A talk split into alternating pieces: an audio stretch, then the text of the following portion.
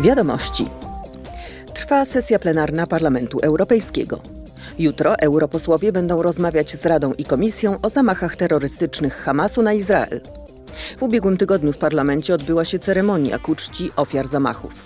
Przewodnicząca Roberta Metsola wygłosiła z tej okazji przemówienie.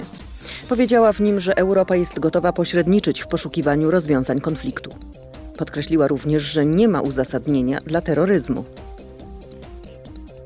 Strasburgu europosłowie będą rozmawiać z Radą i Komisją o tym, jak reagować na fałszywe informacje, treści o charakterze przemocowym i terrorystycznym. W mediach społecznościowych pojawia się ich bowiem ostatnio coraz więcej.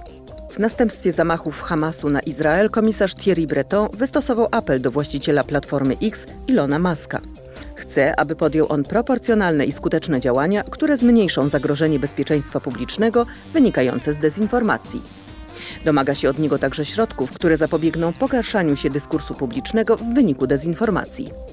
Komisarz wystosował podobny apel do właściciela Meta Platforms Marka Zuckerberga.